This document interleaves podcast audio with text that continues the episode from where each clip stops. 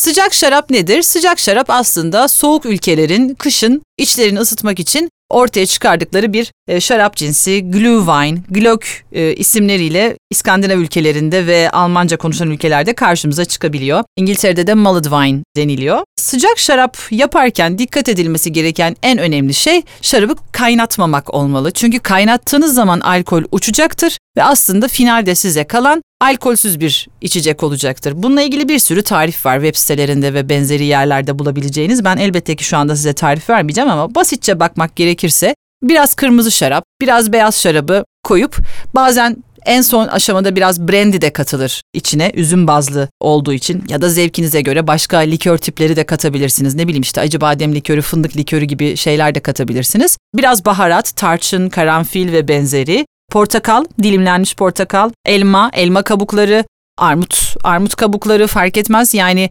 tamamen kendi zevkinize, reçetenize göre oluşturabileceğiniz içeceklerdir. Genellikle kar yağan soğuk günlerde insanların aklına bir düşer sıcak şarap.